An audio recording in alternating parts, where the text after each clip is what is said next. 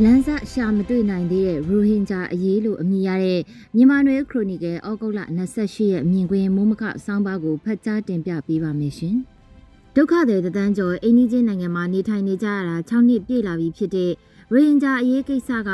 လန်းစရှာမတွေ့နိုင်သေးတဲ့ဒေသတွင်းမှာသာမကနိုင်ငံတကာအထိပါတက်ရောက်မှုရှိတဲ့ဒုက္ခသည်ပြဿနာကြီးတစ်ရပ်ဖြစ်လာနေပါတယ်။ တောင်ကနန်တင်ကနန်လောက်တာရှိတဲ့ဒုက္ခတွေပြဿနာမဟုတ်ဘဲလူဦးရေတန်ကနန်ရှိတဲ့ဒုက္ခတွေ6နှစ်ကြာတဲ့အထိအိန္ဒိချင်းဘင်္ဂလားဒေ့ရှ်နိုင်ငံမှာကျင်းကျက်တဲ့နေရာမှာလူသက်တမ်းလောက်ပြုတ်သိမ့်နေထိုင်ကြရတာအလုတ်လောက်ကင်ခွင့်မရှိကလေးတငယ်ပုံမှန်ပညာသင်ကြားခွင့်မရှိဘယ်ချိန်ဘယ်အခါမှမူလနေထိုင်ရာနေရာကိုပြန်ခွင့်ရမလဲဆိုတာမသိရှိကြရတဲ့အနေအထားမှာနေထိုင်ကြရင်းနဲ့စားနပ်ရိက္ခာအကူအညီကိုသာမျှော်လင့်စားတော့အသက်ရှင်နေကြရတဲ့အနေအထားက လူသားတွေရဲ့ဂုဏ်သိက္ခာဆိုင်ရာအထိထိခိုက်မှုကြီးကြီးမားမားရှိနေတဲ့အခြေအနေလို့ဆိုရမှာဖြစ်ပါတယ်။မြန်မာနိုင်ငံအတွင်းမှာလည်းမိမိရဲ့ရွာမှာတိမ်းရှောင်ပြီးစစ်ဘေးရှောင်ဘဝနဲ့ဆယ်စုနှစ်တခုကျော်နေထိုင်ရတဲ့သူတွေအိန္ဒိချင်းနိုင်ငံကဖွင့်ထားပေးတဲ့နေဆက်ဒုက္ခသည်စခန်းမှာဆယ်စုနှစ်ကျော်လွန်တဲ့အထိနေထိုင်ရတဲ့သူတွေရှိနေပြီးဖြစ်ပါတယ်။1990နှောင်းပိုင်းကစလို့ကရင်ပြည်နယ်ကစစ်ဘေးရှောင်ဒုက္ခသည်တင်ကနန်းကထိုင်းနိုင်ငံဘက်အချမ်းနေဆက်မှာ ဒုက္ခသည်စခန်းတွေပေါ်ထွက်လာပြီးတဲ့နောက်အခုချိန်ထိစစ်ဘေးရှောင်တွေကြန့်ရှိနေသေးတယ်လို့ကချင်ပြည်နယ်မှာလည်း2011ခုနှစ်မြစ်စုံအနီး KIA နဲ့စစ်တပ်အကြားပစ်ခတ်မှုကနေပြန်လည်တိုက်ပွဲဖြစ်ပွားရာက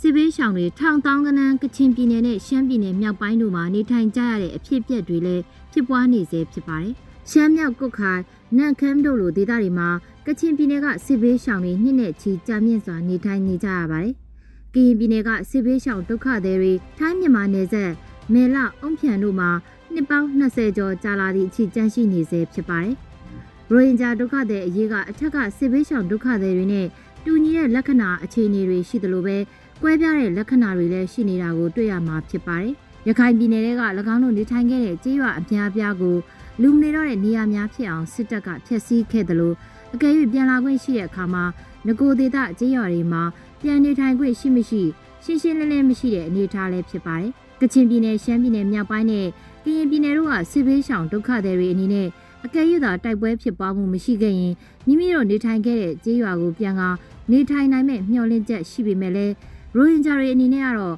၎င်းတို့နေထိုင်ခဲ့တဲ့ကြေးရွာတွေမှာနေထိုင်ခွင့်ရမရမသေးကြတဲ့အနေအထားဖြစ်ပါတယ်။ရိုဟင်ဂျာများကိုလူမျိုးတုံးတပ်ဖြတ်မှုဖြစ်ပွားပြီးနောက် အိန္ဒိချင်းဘင်္ဂလားဒေ့ရှ်နိုင်ငံကလက်ခံထားပေးခဲ့ခြင်းကြောင့်အိန္ဒိချင်းနိုင်ငံအနေနဲ့နိုင်ငံရေးရချီးမွမ်းခံရအမှတ်ရစရာဖြစ်တော်လဲအခုလို၄၅6နှစ်ကြာရှည်လာတဲ့အခါမှာဒုက္ခသည်အရေးဟာအိန္ဒိချင်းနိုင်ငံအဖို့ဝင်တော့ဝင်ဖို့တခုဖြစ်လာနေပြီဖြစ်ပါတယ်။ဒါကြောင့်ရိုဟင်ဂျာဒုက္ခသည်များနေရပြန်ရေးအတွက်ဘင်္ဂလားဒေ့ရှ်နိုင်ငံကိုယ်စားလှယ်အဖွဲ့က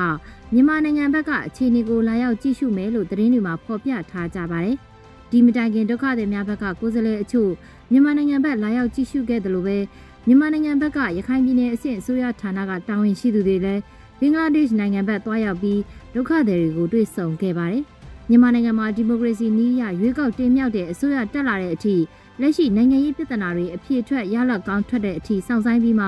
ရိုဟင်ဂျာဒုက္ခသည်တွေမြန်မာနိုင်ငံပြန်လာမှာလားဒါမှမဟုတ် လက်ရှိအခြေအနေအောက်မှာပဲဖြစ်တဲ့နဲ့ရတဲ့နဲ့အခြေခံအာမခံမှုတချို့ကိုတောင်းဆိုပြီးအဆိုပါတောင်းဆိုချက်တွေကိုစစ်ကောင်စီကလိုက်လျောတဲ့အနေအထားမှာဒုက္ခသည်တွေအနေနဲ့ပြန်လာမလားဆိုတဲ့မေးခွန်းပေါ်ထွက်လာနိုင်ပါတယ်။ကုလသမဂ္ဂနဲ့နိုင်ငံတကာလူ့အခွင့်အရေးအဖွဲ့အစည်းအချို့ကတော့အခုအခြေအနေအောက်မှာရိုဟင်ဂျာဒုက္ခသည်တွေမြန်မာနိုင်ငံပြန်သွားဖို့လှုံ့ဆော်ခြင်းကိုအားပေးကြပေမဲ့လည်းတစ်ဖက်မှာဒုက္ခသည်တွေအဖို့ရက်တီရေးဆိုင်ရာအခက်အခဲတွေရှိနေကြပြီးအဆိုပါရက်တီရေးအခက်အခဲတနည်းအားဖြင့်ဆိုရရင် လိုအပ်တဲ့စားနပ်ရိက္ခာအထောက်ပံ့ပေးရမှုအတွက်မြည်သည့်အဖွဲ့အစည်းကများတာဝန်ယူဖြည့်ရှင်းခြင်းမရှိတာကိုလည်းတွေ့ရမှာဖြစ်ပါတယ်။တနည်းအားဖြင့်ဆိုရရင်ရိုဟင်ဂျာဒုက္ခသည်အရေးဟာမြန်မာနိုင်ငံအကြက်တဲဖြည့်ရှင်းပြီးမှဖြည့်ရှင်းရမယ့်ပြဿနာလားဒါမှမဟုတ်တပြိုင်တည်းဖြည့်ရှင်းရမယ့်ပြဿနာလားဆိုတာကိုရှင်းလင်းစွာဆုံးဖြတ်ပေးကြရမယ့်အချိန်ရောက်ပြီဖြစ်ပါတယ်။လူမျိုးရေးဘာသာရေးအစွန်းရောက်များရှေးရိုးဆွဲများကြောင့်ပြည်ရင်းစစ်ဖြစ်ပွားခြင်းလူမျိုးစုများနေအိမ်ကနေစွန့်ခွာထွက်ပြေးရခြင်းတို့ကို